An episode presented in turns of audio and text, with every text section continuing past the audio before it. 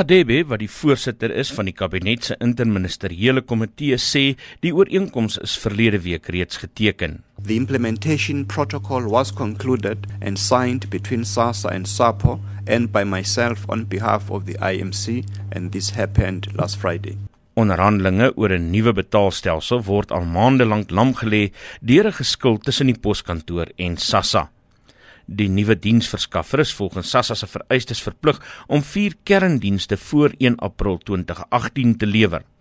SASSA was egter net bereid om die poskantoor toe te laat om 'n rekenaarstelsel te bou. Die kabinet se interministeriële komitee moes toe ingryp.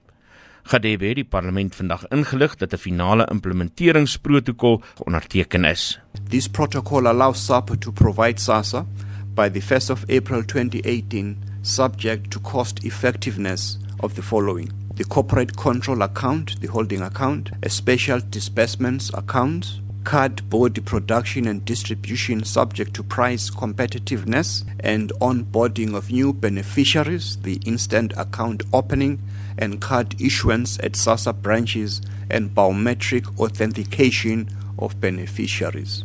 'n Finale ooreenkoms sal op 24 November geteken word. Ek is Isak Du Plessis vir SAICanis.